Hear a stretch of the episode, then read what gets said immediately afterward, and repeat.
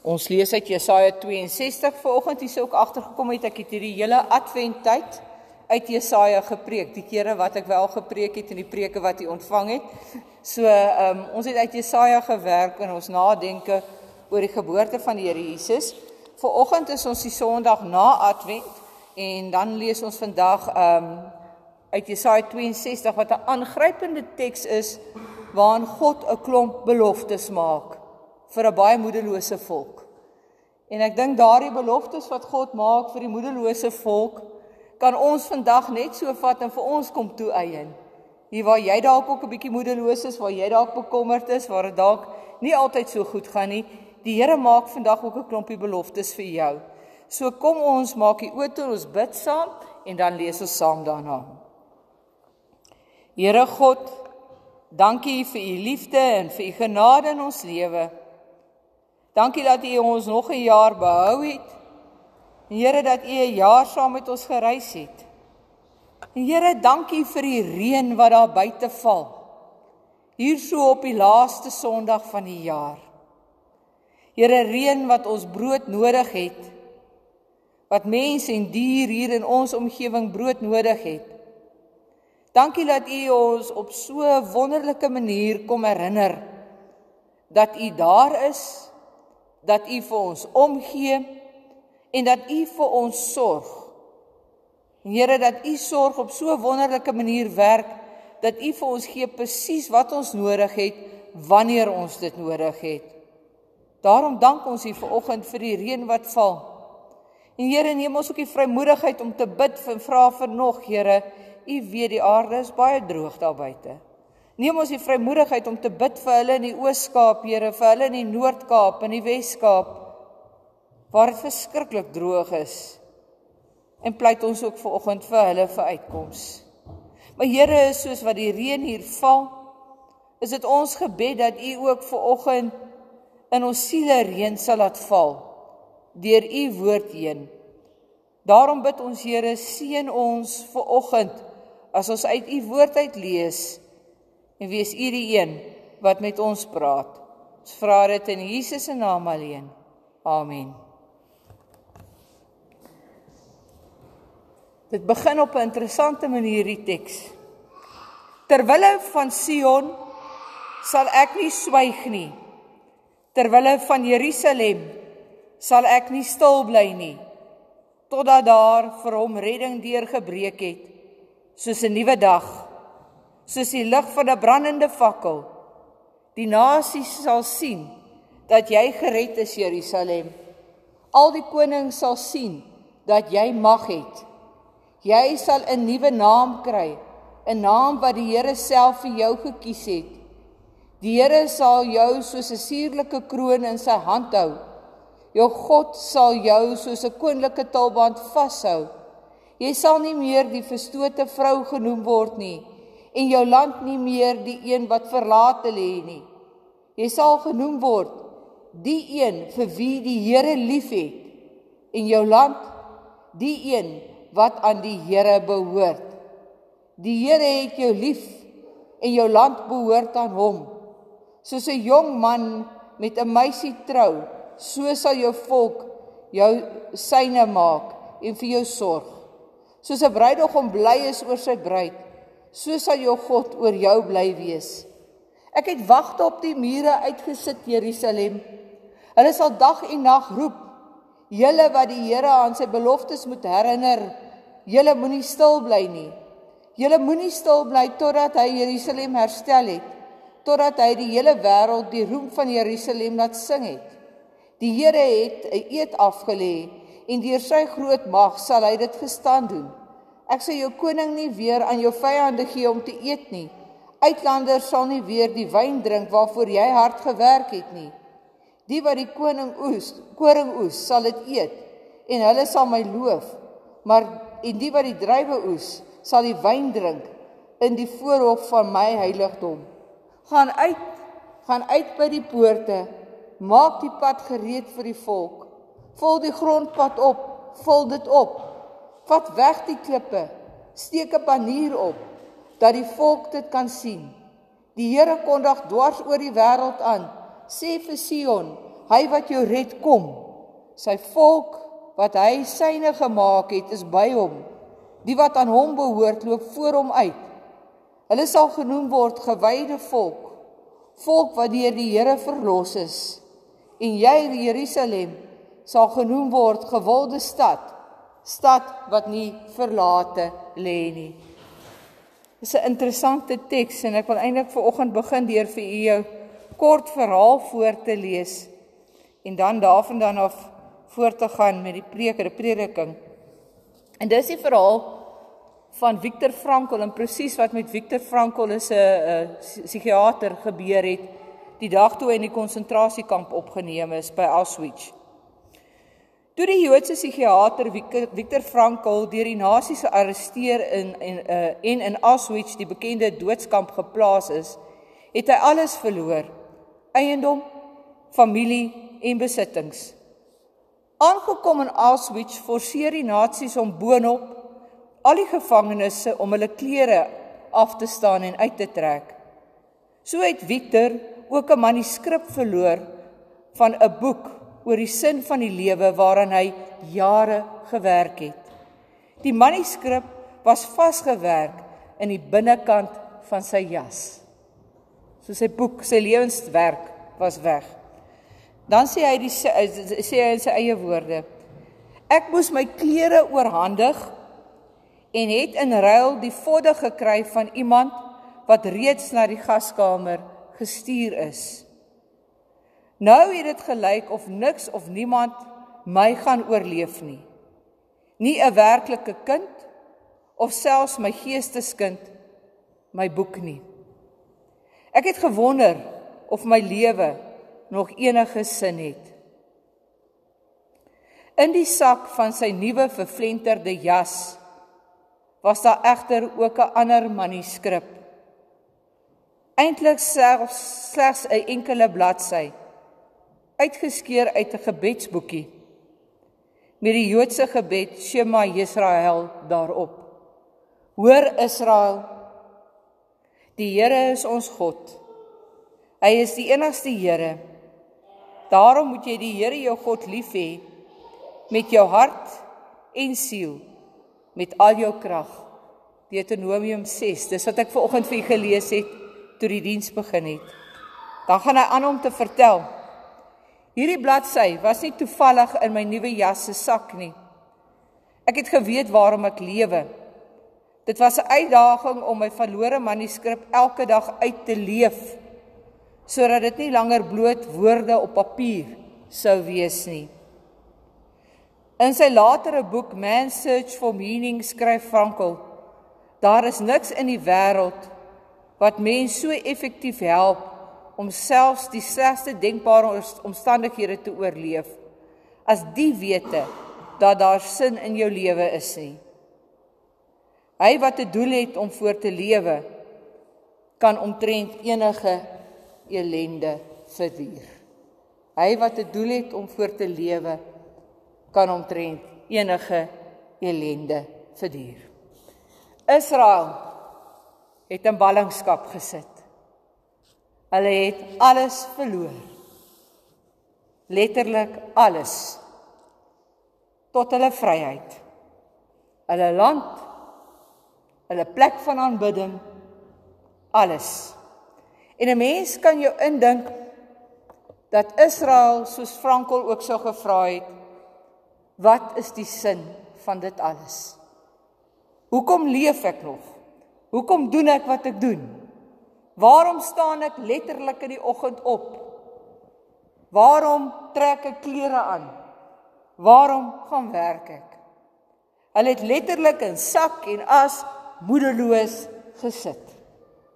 En dan kom die profeet na hulle toe hier in Jesaja 62 en die profeet kom kondig 'n klomp beloftes vir hulle aan.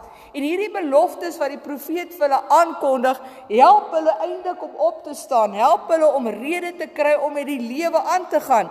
En dit wat hy beloof is dat nasies sal sien dat Jerusalem gered is, dat konings sal sien dat daar mag is, dat die Here vir hulle 'n suurlike kroon in die hand hou, dat God vir hulle 'n tulband vashou, dat hulle nie meer die verstote vrou genoem sal word nie, dat hulle nie meer die land sal hê wat verlate is nie, dat die Here die een is wat hulle liefhet, dat die Here die een is aan wie hulle behoort. Dis 'n ongelooflike belofte wat God kom maak. God kom sê te ware ek sal julle in julle eer herstel. Ek sal julle weer terugvat na julle land toe. Mense sal sien dat ek julle gered het. En uit hierdie beloftes uit kan Israel weer begin moed skep, kan Israel weer begin lewe. En dit is letterlik hierdie tipe beloftes wat dit vir Israel moontlik gemaak het om vir 70 jaar in ballingskap te sit. Om vir 70 jaar elke dag op te staan as slawe en met die lewe aan te gaan. Of vir 70 jaar elke dag die Here te dien en nie hulle God te verlaat nie. Want God kom maak 'n belofte aan hulle. God kom sê ek sal julle weer ter in julle eer herstel God kom sê ek sal julle weer terugvat na julle land toe God kom sê daardie land wat weer wat nou verlate is sal weer bewerk word daai tempel wat in 'n pynhoop is, sal weer herbou word. God kom maak 'n klomp beloftes aan Israel. En hierdie teks raak op 'n manier die sleutel vir ons ook, want God kom maak daardie selfde beloftes vandag aan ons. Ons is dalk nie in ballingskap nie. Ons situasie lyk dalk nie soos die van Israel nie. Maar God kom sê vir oggend ook vir ons, ek sal julle God wees. Ek sal by julle wees. Ek sal julle help. Ek sal saam met julle reis. Julle is nooit alleen nie. Watter ongelooflike stel gedagtes om die toekoms mee in te gaan. God wat kom sê ek is hier by julle. Ek sal vir julle sorg. Julle hoef nie bang te wees nie. Ek sal julle in ere herstel. En ons weet dat dit vir Israel belangrik was om hierdie beloftes te onthou. En dan kry ons die tweede gedeelte van die teks wat 'n interessante gedeelte is. Ek het wagte op jou mure gesit Jerusalem. Hulle sal dag en nag roep, julle wat die Here aan sy beloftes moet herinner. Julle moenie stil bly nie. Die rol van die wagte op die mure is 'n baie interessante ro rol wat gespeel word. Die wagte op die mure was letterlik die mense wat die voorbidding moes gedoen het. Hulle moes bly bid, moes bly vir die Here herinner aan sy beloftes wat hy gemaak het. En ons, ons word ook ver oggend as te ware opgeroep om te bly bid. As daar een ding is wat in hierdie jare is wat verby is wat in hierdie gemeente gebeur het, dan was dit 'n gebedsaksie wat hierdie dorp begin omkeer het. En hier so in die vakansietyd het ons so 'n bietjie gestop met die gebedsaksie. Maar eintlik moes ons glad nie gestop het met hierdie gebedsaksie nie. Ons moes dwars deur hierdie vakansie ook gebid het. Die Here bly herinner het aan sy beloftes. Dan sou dit dalk ook nie so woes gegaan het op al die beklei groepies in hierdie dorp nie. Want ons het alweer vergeet dat die Here vir ons beloof dat hy die God van Filippolis is. Dat hy vir Filippolis sal sorg, dat hy vir ons almal sal sorg. En miskien moet ons vanoggend hoor dat die Here ons roep hier aan die einde van 2019 en sê julle is nog nie klaar gebid nie. Julle is nog nie klaar gebid vir Filippolis nie. Julle is nog nie klaar gebid vir haar mense nie. Julle is nog nie klaar gebid om mense daaraan te herinner dat die Here beloftes gemaak het nie. Julle is nog nie klaar gepraat met die Here nie. En moet dit dalk ons grootste doel vir die volgende jaar wees waar ons ingaan om te bly praat met die Here, om die Here daaraan te herinner. Maar Here, U het beloof U sal ons God God wees. Here, U het beloof U sal vir ons sorg. Here, U het beloof ons lewens is veilig in U hande. Ons moet dalk net begin om baie ernstig vir die Here te herinner aan die beloftes wat hy gemaak het. En ons word geroep as gelowige mense om dit te doen deur voorbidding te doen. Deur te bid vir hulle wat in moeilike omstandighede is. Deur te bid vir hierdie gemeente en hierdie gemeenskap en hierdie dorp en sy mense. Deur te bid en te sê, Here, maar U het gesê U wil hê almal moet aan U behoort. So Here, nou begin ons bid vir daai wat nie aan U behoort nie. Dat hulle U kan leer ken. Dat hulle in 'n verhouding met U kan kom. Ons wat hier sit, ons wat gelowige mense is, ons is die wagters op die mure wat moet bly bid dat die koninkryk van God kan kom. En dit was ongelooflik. Hierdie ouens wat die wagters op die mure was, het elke oggend opgestaan en hulle het elke oggend gebid. En so het Israel sy geloof behou. So het Israel bly groei. So het Israel bly hoop op die Here, want daar was mense wat die Here aan sy beloftes herinner het. Baie keer dan dink ons, maar ek weet nie hoe om te bid nie en ek weet nie wat om vir die Here te sê nie. Weet jy, daar is geen geheim daaraan nie. Dis nie so moeilik nie. Al wat jy hoef te doen is om die beloftes van die Here te ken en die Here aan sy beloftes te herinner. Dis wat die werk van voorbereiding is. Om die Here net aan sy beloftes te herinner. En dis ongelooflik.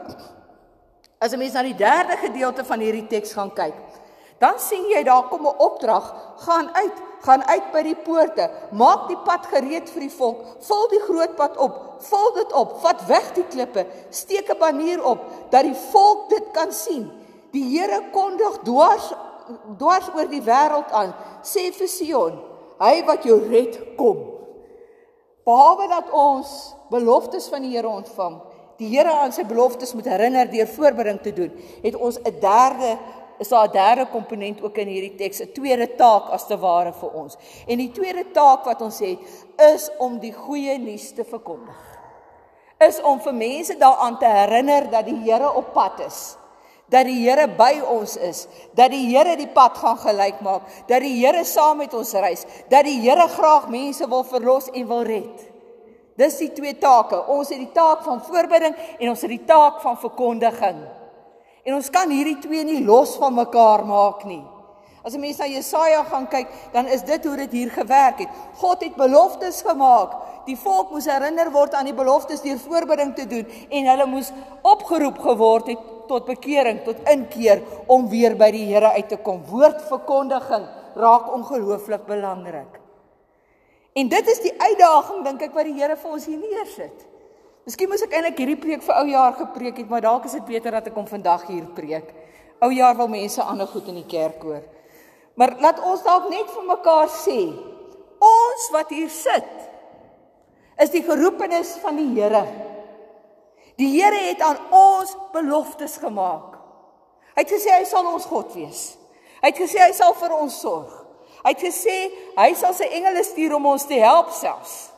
Ek kan maar deur Psalms gaan lees om al daai beloftes raak te sien. Ek kan deur die profete gaan lees. Ek kan deur die Nuwe Testament gaan lees en gemaak net 'n lys van al die beloftes wat die Here gemaak het. En dan hy het beloof ons moet hom daaraan herinner deur voorbereiding te doen. Here, maar U het gesê geen siel sal verlore gaan nie. Here, maar U het gesê U wil graag hê elke mens moet gered word. Here, maar U het gesê U sal vir ons sorg. Kyk hoe droog is dit daar buite. Ons moet hom herinner aan sy beloftes. Dit doen ons deur voorbinding te doen. En ons moet aktief waar ons kom en gaan die evangelie verkondig. Vir mense sê, maar daar is 'n lewende God. Hierdie lewende God doen dit en hy doen dit en hy doen dit en hy het vir my dit beteken en hy het vir my dit gedoen in my lewe. Hy sê dit en dit en dit in sy woord. En en as ons op hierdie manier leef, dan kan ons die Here se seën in ons lewens verwag. Dan sal die Here ons help. U sien, ons dink baie keer die Here moet ons uit ons sokkies uit seën. En ons bid daarvoor. En dan kan ons nie verstaan hoekom die Here net vir ons moeilikheid bring nie. Want dis mos wat gebeur as jy begin bid vir seën. Die Here bring net vir jou moeilikheid. Maar daardie moeilikheid is die tye in jou lewe waar die Here met jou begin werk. Waar hy jou stroop van al jou sekerhede. Waar hy jou weer terugbring by die beloftes wat hy gemaak het. Waar hy jou terugbring by die taak om te bid. Waar hy jou terugbring by die opdrag om te verkondig. En as u deur die jaar dalk gevoel het dat die Here u verlaat het, dat die Here nie meer aan u dink nie, dat die Here nie omgee nie. Hoor ver oggend die beloftes van die Here in hierdie teks. Ek sal julle help Ek sal julle terugbring. Ek sal julle red. Ek sal vir julle 'n nuwe land gee. Ek sal vir julle 'n bidplek gee. Ek sal vir julle 'n verlosser gee wat ons Kersdag herdenk het. Ek sal by julle wees te midde van dit alles. En herinner hom daaraan deur te bid. Deur te sê Here, maar U het beloof. U het beloof. U sê in die woord ons moet U herinner aan U beloftes. Daarom Here herinner ek U vanoggend. Ek voel alleen. Ek het U nodig het gesê u sal by my wees. Here, ek kry swaar. Het gesê u sal my help, help my asseblief. Here, ek's bang. Het gesê u sal my beskerm. Beskerm my asseblief. En dan as die Here hierdie goed vir ons doen en die beloftes waar maak in ons lewe, dan kan ons mos nie stil bly daaroor nie dan het ons die verantwoordelikheid en die taak om daarvan te getuig. Of vir ander mense te gaan sê, "Maar ek was ook bang soos jy." Maar weet jy wat die Here het my gehelp? Ek was ook bekommerd soos jy, maar weet jy wat die Here het my geantwoord? Ek was ook alleen gewees, maar weet jy wat die Here was by my? Dan getuig ek. En as ek getuig, is ek eintlik besig om die woord van God te verkondig. U sal sien, ek weet nie wie van u het agtergekom nie. Die van u wat die ehm um, kerknuus lees. Daar was altyd so wat hulle noem 'n tagline bo op die kerknuus gewees. En vir 'n klomp jare was die tagline gewees: Ons wil graag die liggaam van Christus wees deur om te gee en uit te reik tot eer en verheerliking van God. Die kerkraad het 'n kerkraadsvergadering gehad aan die einde van November. Ons het so stil stil die tagline verander. En ons gesê die nuwe tagline is net dit: geroep, toegerus, gestuur. Ons is deur die Here geroep. Ons is deur die Here toegerus. Ons is deur die Here gestuur om wat te doen? Om te bid en te verkondig.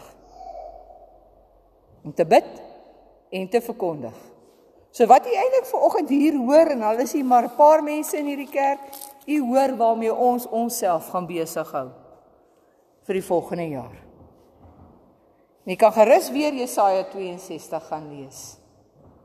Miskien wil ek vra dat u vir die volgende maand Jesaja 62 gaan lees. Dat die teks so bietjie op u groei sodat u verstaan dat die Here maak beloftes. Ons word geroep om hom daaraan te herinner, voorbereiding te doen. Ons word geroep om te getuig van hoe hy antwoord. Met ander woorde, om te gaan verkondig. Mag die Here ons hierdie jaar help wat voorlê 2020.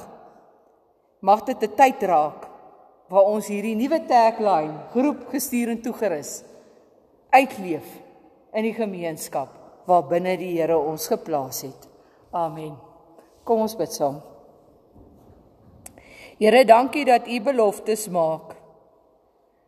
Here, dat U beloftes nie net goeters is wat in die wind rondwaai nie, maar Here dat U U woord gestaan doen. Here, U beloof U sal vir ons sorg. En vanoggend toe ons wakker word, Toe kon ons tasbaar voel hoe U vir ons sorg met elke druppel wat op ons gesig geval het. Here, so beloof U 'n klomp ander goed. U beloof dat U by ons is. U beloof dat U ons op U naam ken. U beloof dat ons nooit alleen is nie.